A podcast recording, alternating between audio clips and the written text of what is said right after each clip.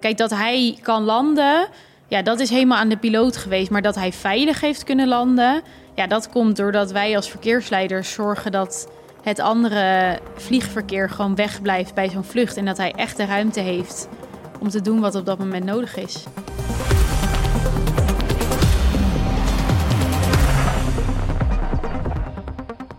Hoe zorg je dat twee vliegtuigen niet op elkaar botsen? Wat gebeurt er bij een medemelding? En waarom moet een vliegtuig soms verplicht een doorstart maken? En wie zijn de mensen die al het complexe luchtverkeer managen? Kortom, wat gebeurt er in de verkeerstoren en achter de radar? Ik ben Ewart Genemans en in deze podcast ga ik in gesprek met de medewerkers van Luchtverkeersleiding Nederland. En krijg ik een exclusief kijkje achter de schermen. Judith, leuk om hier te zijn. Wij gaan met elkaar in gesprek over een bijzondere gebeurtenis die jij hebt meegemaakt tijdens jouw opleiding bij Luchtverkeersleiding Nederland. Want jij zit nog midden in de opleiding, hè? Ja, dat klopt. Maar voordat we gaan starten, eerst wat feiten en cijfers over jouw opleiding bij Luchtverkeersleiding Nederland. Jaarlijks starten ongeveer 40 mensen met de opleiding tot luchtverkeersleider, waarvan zo'n 75% de opleiding ook echt afrondt. Men doet gemiddeld drie jaar over de opleiding en op dit moment zijn er 81 trainees bezig. Judith doet haar opleiding bij het Area Control Center bij Schiphol, waarvan zij werkt met vliegtuigen die tussen de 2,5 en 8 kilometer hoogte vliegen. Jaarlijks worden in dat deel van het luchtruim zo'n 513.000 vluchten afgehandeld. We zitten hier weer in de nagebouwde toren. Ja. Hoe vind je het om hier te zitten? Ja, mega leuk. Uh, ik werk zelf niet in de toren, dus ik vind het altijd wel uh, bijzonder om dan nou ja, in deze mock-up of in de echte toren even op bezoek te komen. Uh, want ja, dat is ook onderdeel van de keten van ons werk. en niet mijn werkplek, dus dat blijft altijd interessant om daar weer even op bezoek te zijn. Ja, Luchtverkeersleiding Nederland. Hoe ben je erop gekomen om daar te gaan werken? Um, nou, het is wel grappig. Mijn broertje die ging naar een open dag een aantal jaar geleden. En um, je mocht iemand meenemen en toen ben ik met hem meegegaan. Eigenlijk helemaal niet met het idee van ik wil luchtverkeersleider worden. Ik wist er eigenlijk ook heel weinig van. Deed je wel een studie op dat moment al? Uh, ja, ik studeerde toen pedagogische wetenschappen in Leiden. En ik was wel al zoekende, omdat ik niet echt in dat vakgebied verder wilde, naar wat dan wel. Dus ja, waarschijnlijk stond ik er daardoor uh, voor open om uh, ook andere stappen te ondernemen. En toen ben ik met mijn broertje naar die open dag gegaan. En uh, ja, dat was toen eigenlijk zo leuk dat ik dacht, ik ga die selectie ook doen. Want wat zag je proberen. dan wat je leuk vond? Uh, ik vond dat daar hele enthousiaste collega's rondliepen. Um, en de diversiteit en uitdaging in het werk sprak mij heel erg aan. En wat mij zo leuk leek aan dit werk en uiteindelijk nu ook zo goed bevalt, is dat je zo samen met je collega's naar één doel toewerkt. En uh, dat iedereen ook die motivatie heeft. Je kan in dit werk gewoon niet de kantjes ervan aflopen. Um, en dat samen naar dat doel werken, allemaal echt gemotiveerd. Ja, dat leek mij gewoon heel gaaf aan dit werk. Wat is dat doel? Uh, ons doel is om al het verkeer zo veilig en efficiënt mogelijk af te handelen, noemen wij dat. Zo veilig en efficiënt mogelijk te begeleiden. Je zit nu midden in de opleiding. Wat doe je precies? Ik word opgeleid tot luchtverkeersleider bij Area Control Center. Dat zijn de luchtverkeersleiders die verantwoordelijk zijn voor het uh, hele Nederlandse luchtruim. Tussen ongeveer de 3 en de 8 kilometer. En al het verkeer wat tussen die 3 en 8 kilometer Nederland doorkruist, daar zijn wij verantwoordelijk voor. En hoe ziet die opleiding eruit? Uh, je begint met uh, een x aantal weken theorie. En daarna zijn er verschillende modules op de simulator. Die steeds complexer worden en steeds uh, ja, echter. Dus um, ja, steeds meer zijn zoals het in het echt eraan toe gaat. En dan sluit je de opleiding af met een stukje stage. De on-the-job training noemen wij dat. En um, aan het einde van die stage is examen. En als je die hebt gehaald, dan ben je op dat stukje luchtruim waar je op dat moment examen hebt gaan, ben je verkeersleider. En hoeveel stukken luchtruim zijn er? Ik heb nu op Noord en Oost mijn brevet gehaald. Dus daar werk ik nu zelfstandig. En voor Zuid en West ga ik eind september nog weer terug de simulator in. Moet ik daar weer een stukje stage. En als ik dat heb afgerond, dan ben ik volledig klaar. Maar Noord, Oost, Zuid, West, hoe zit dat precies? Uh, ja, dat is gewoon als je op de kaart kijkt, um, ligt in het, helemaal in het noorden van Nederland, eigenlijk boven de Waddenzee, is militair luchtruim. Nou, daar rechts van noemen wij sector Noord. Dan hebben we in het zuiden, boven Brabant, uh, is ook militair luchtruim. Daar rechts van noemen wij sector Oost. Links van Brabant ligt sector Zuid. En daarboven, dus links van uh, de Waddenzee, daar ligt sector West. En iedere sector heeft dus zijn eigen regels? Ja, iedere sector heeft zijn eigen regels, omdat hij aan een ander uh, land grenst. Dus Noord en Oost grenzen aan Duitsland. Daar hebben wij afspraken met de Duitse uh, luchtverkeersleiding. Zuid hebben wij afspraken met de Belgische luchtverkeersleiding. En West hebben wij afspraken met de Engelse en een klein stukje Schotland. En nu moet ik dan nog het stukje Zuid en West. Dat ga ik eind september, moet ik weer even terug de simulator op. Zit dan weer een stukje stage aan vast met nog een examen. En dan ben ik echt helemaal klaar. Maar om het even goed te begrijpen, kijk, als ik naar boven kijk, dan zie ik lucht. En of die, die, is, die is niet heel anders op verschillende plekken. Waarom moet je daar verschillende brevetten dan voor halen? Uh, omdat wij afspraken hebben met het buitenland. Dus een uh, vliegtuig die bijvoorbeeld naar het oosten vertrekt, die uh, vliegt dan op een gegeven moment het Duitse luchtruim binnen. Nou, we hebben met Duitsland bepaalde afspraken hoe hoog een vliegtuig op een bepaald punt moet zitten, via welke route die dan vliegt. Um, en als je dan naar sector Zuid gaat, zijn dat bijvoorbeeld afspraken met België en sector West met Engeland. En zijn die afspraken zo verschillend? Uh, ja, omdat um, het in het Duitse of Engelse luchtruim er ook weer anders aan toe gaat. Dus de routes lopen gewoon anders, de hoogtes zijn anders. En wat sector Zuid heel interessant maakt, is dat het een relatief klein stukje van ons luchtruim is. Waar wel veel luchthavens liggen. Dus je hebt daar Schiphol, Rotterdam, Eindhoven. En dan net over de grens in België, Antwerpen en Brussel. En dat ligt allemaal zo dicht bij elkaar. Ja, daar zijn, horen gewoon andere afspraken bij dan dat wij bijvoorbeeld met Duitsland hebben. Nee, het is iets wat ik me nooit gerealiseerd had. Maar jij misschien ook niet voordat je aan de opleiding begon. Nee, ik wat moet waren ook... je verwachtingen? Het is leuker dan ik had verwacht. Uh, ik vind de opleiding heel leuk omdat het zo praktisch is. Dus de eerste paar weken theorie, dat was even stampen. Maar daarna ga je eigenlijk al heel snel de simulator op. En ben je al heel gericht bezig met ja, waar je uiteindelijk terecht gaat komen. Je bent 26 nu en hebt best wel een verantwoordelijkheid. Voel je die?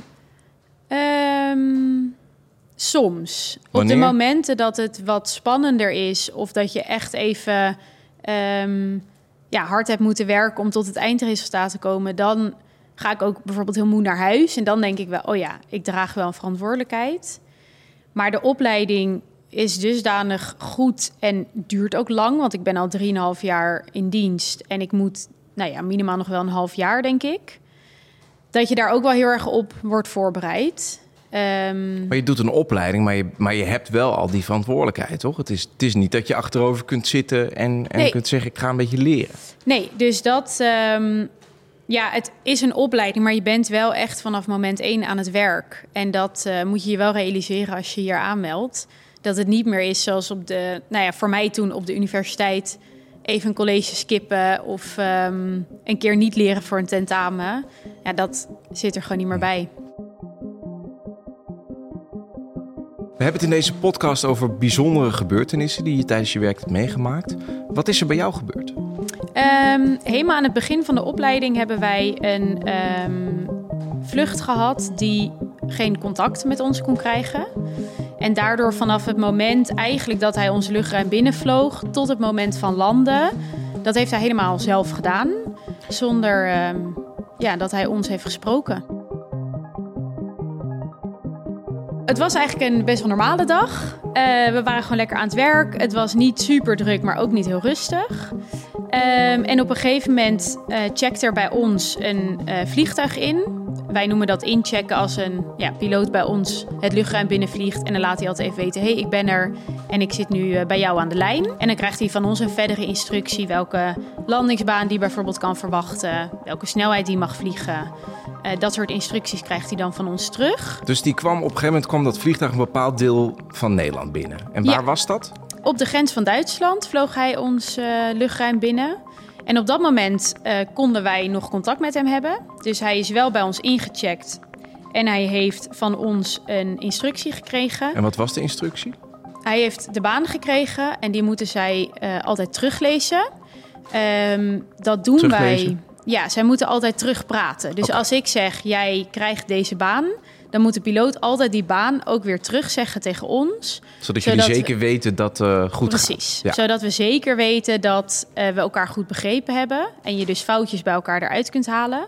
Dus hij had bevestigd zeg maar, waar hij zou gaan landen. En Ja. toen? En toen ehm, hadden wij op een gegeven moment door, want toen wilde ik hem weer een instructie geven ehm, dat hij bijvoorbeeld verder mocht zakken eh, en dat hij een bepaalde richting op mocht vliegen. En toen hadden we door dat hij ons niet meer kon horen. Want die instructie die ik hem gaf, die kwam niet meer bij mij terug. Nou ja, je hebt op dat moment ook andere vliegtuigen in je luchtruim vliegen die op dezelfde frequentie bij ons werken. Nou, dan ga je even schakelen. Dus dan ga je eerst weer even de andere vluchten een instructie geven. Kom je weer bij hem terug. Nou, toen las hij weer niet die instructie terug. Dus op een gegeven moment hadden we door dat hij ons helemaal niet kon horen. Konden jullie hem wel horen? Ja, wij konden hem wel horen. Ehm, maar we hadden niet het idee dat hij uh, zich ervan bewust was dat wij dingen tegen hem probeerden te zeggen. Als een eh, piloot niet meer terugpraat en je kunt geen contact krijgen, welke scenario's gaan er dan door je hoofd op dat moment? Uh, nou ja, het allerergste scenario zou zijn dat een vliegtuig is gekaapt. Um, wij worden daarvoor getraind, maar een kaping, ja, daar is geen standaard protocol voor, omdat dat altijd anders gaat. Maar ja, een kaping is heel lastig om uh, door te krijgen of dat daadwerkelijk aan de hand is. Maar doordat wij hun konden horen, konden we wel horen dat er geen vreemde dingen in de cockpit aan de hand waren. En op een gegeven moment uh, hoorden we dat ze doorkregen dat zij al een tijdje ook niks meer van ons hadden gehoord. Um, en toen hoorden wij hun dus onderling gaan overleggen van oké, wat moeten we dan nu? Ja, en, en wat moesten ze?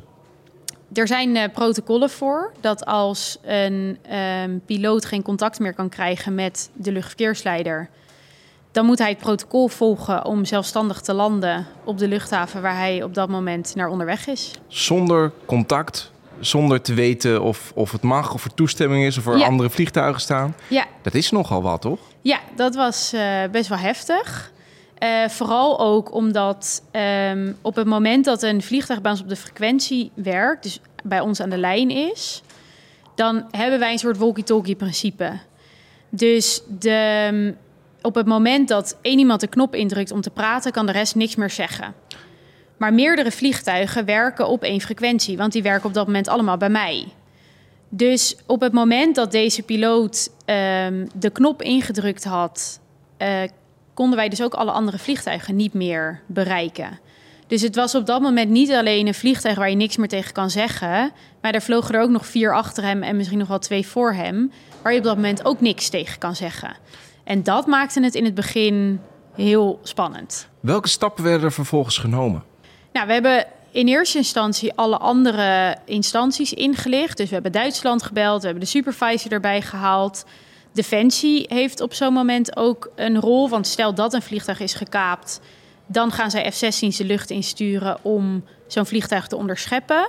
En we hebben natuurlijk de approach-verkeersleiders gebeld, omdat dit vliegtuig uiteindelijk onderweg was naar Schiphol, overgezet zou worden bij de approach-verkeersleider.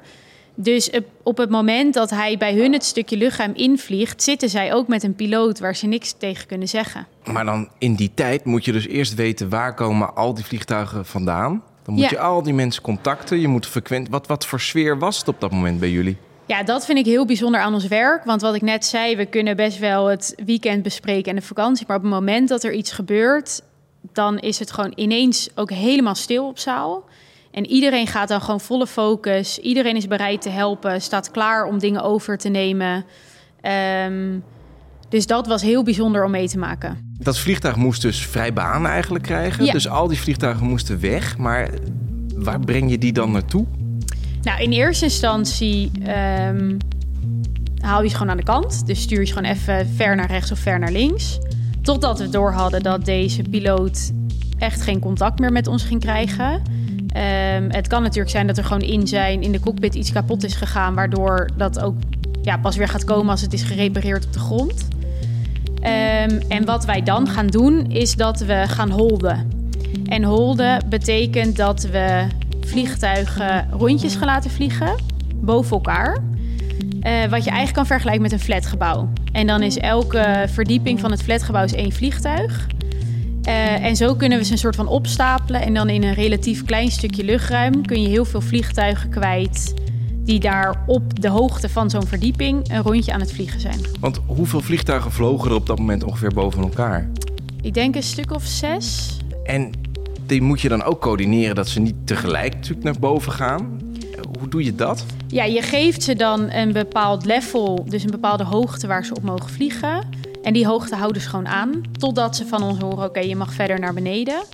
Uh, maar tot dat moment vliegen ze gewoon altijd op dezelfde hoogte, dat rondje. En dan kun je er dus meerdere vliegtuigen boven elkaar kwijt. Je vertelt het nu allemaal alsof het heel logisch is, maar jij zat natuurlijk nog in opleiding op dat moment. Ja. Is er dan een begeleider bij continu of hoe moet ik dat zien? Ja, op het moment dat je in de stage zit, word je altijd begeleid door een coach. Uh, je werkt ook op het brevet van de coach op dat moment. Dus die is echt eindverantwoordelijk voor het werk wat ik doe. Maar nam jij wel de beslissingen? Uh, in het begin wel. Maar op een gegeven moment, toen we echt even snel moesten handelen met: oké, die moet gebeld, die moet erbij. Toen heeft mijn coach um, wel even gezegd: oké, we gaan nu dit en dit en dit doen. Wat heel interessant was, was dat uh, ik was op dat moment verkeersleider en mijn planner was ook een leerling. Dus we zaten met twee leerlingen daar en onze coaches. Um, dus dat was een mooi opleidingsmoment. Maar het was voor mij nog best wel in het begin van mijn opleiding. Dus toen merkte ik wel, oké, ja, ik heb nog niet alle kennis nu om dit soort uitzonderlijke situaties. Dus dan val je echt weer terug op je coach. En toen het eenmaal weer ja, allemaal een beetje liep en we door hadden, oké, dit is er aan de hand, alles is nu veilig. Toen heb ik het zelf weer overgenomen. Het vliegtuig moest gaan landen uiteindelijk. Hoe is dat gegaan? Ja, hij heeft uh, de procedures gevolgd. Er zijn procedures geschreven voor als dit gebeurt. Dit was een buitenlandse maatschappij die niet heel veel op Schiphol landt. Dus dat vond ik ook best wel spannend. Van, hè, wat is dan bij hun de procedure? Mogen we ervan uitgaan dat dat hetzelfde is? Of hanteren zij andere procedures? Dus je moet um, ja, daar ook heel voorzichtig mee omgaan. En niet er maar vanuit gaan dat hij sowieso onze procedures volgt. En dat je daar risico's mee kan nemen. Hoe zijn ze geland uiteindelijk? Ja, helemaal zelfstandig. En um, dat is dan dus ook best wel interessant. Want op dat moment is er dus ook geen. Uh, ja, gaat eigenlijk Schiphol bijna dicht. Want je wil die piloot dus de ruimte geven. Je weet ook niet zeker op welke baan hij gaat landen. Want die instructie helemaal in het begin die ik hem heb gegeven, heeft hij ook nooit teruggelezen. Dus ik weet niet welke, voor welke baan zij uh, gaan uiteindelijk. Dus Schiphol gaat eigenlijk gewoon even dicht. Er vertrekt niks meer. Uh, rondom dat vliegtuig wil je ook niet dat er nog iets gaat landen. Dus voor, en het, uiteindelijk, het voelt op dat moment heel lang, maar was het een heel kort moment. Maar ja, vertrekt en gaat er dus gewoon niks van Schiphol vandaan. Maar dat vliegtuig is, is dus gewoon zonder te weten waar die moet gaan landen, zonder daar contact over te hebben, zonder te weten of dat mag, is die uit zichzelf gaan landen. Ja. ja. Idioot toch, als je het zo hoort? Ja, ja eigenlijk wel echt bizar. En vooral voor een, een drukke luchthaven als Schiphol is dat natuurlijk echt wel uh, uitzonderlijk. Maar als jullie niet hadden gedaan wat je hebt gedaan, had dat nooit op een veilige manier gekund. Nee, de kans dat hij dan andere vliegtuigen. Kijk, dat hij kan landen, ja, dat is helemaal aan de piloot geweest. Maar dat hij veilig heeft kunnen landen, ja, dat komt doordat wij als verkeersleiders zorgen dat het andere vliegverkeer gewoon wegblijft bij zo'n vlucht. En dat hij echt de ruimte heeft om te doen wat op dat moment nodig is. En daar heb jij zelf dus ook een aandeel in gehad. Ja. Wat geeft dat voor gevoel? Um, ja, dat was toen heel bijzonder om mee te maken. Uh, vooral omdat dit zijn wel procedures die we op de simulator uh, oefenen. Maar er waren collega's die hier al 30 jaar werken en die zeiden ja, dat hij echt vanaf binnenkomst tot landing geen contact, dat hebben we eigenlijk ook nog nooit meegemaakt. Maar wat gaf het jou voor gevoel dat dat dan uiteindelijk toch mede door jouw bijdrage goed afloopt? Het was een beetje dubbel. Ik vond het enerzijds heel gaaf dat ik dat had meegemaakt. En ja, dat liet ook wel zien van, oh ja, dit is het werk, dit is waarom wij er zijn.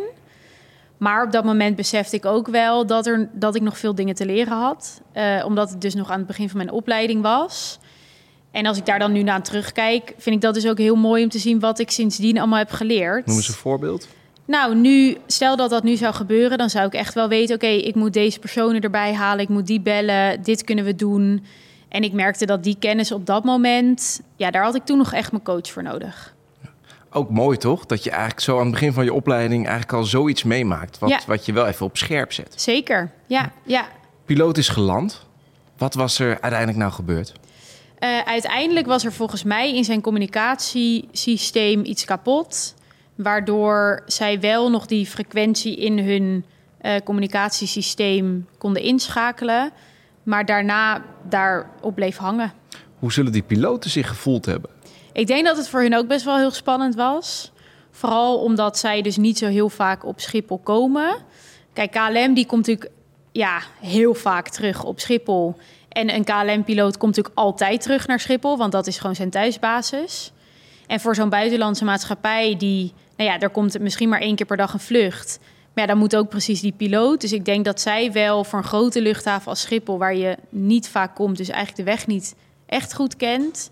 Ik denk dat dat voor hun ook wel heel spannend is geweest. Als alles dan onder controle is, hoe bouw je dat flatgebouw van vliegtuigen dan weer af? Ja, op het moment dat die uh, vliegers geland waren, ja, toen waren ze van de baan en dan kan het verkeer gewoon weer doorgaan zoals normaal. Nou, dan hebben wij dus inderdaad dat flatgebouw nog in de lucht hangen. En dan gaan we eigenlijk één voor één van onderaf aan gaan we dat flatgebouw weer afbouwen. Dus het onderste vliegtuig die mocht naar Schiphol. Dan mag iedereen eigenlijk weer één verdieping om en om zakken. En dan mag daarna weer het onderste vliegtuig. En zo ga je van onderaf één voor één ze weer richting Schiphol sturen, zodat ze uiteindelijk uh, ook de rest van het verkeer weer kan landen. Hoe lang heeft die bovenste dan moeten wachten?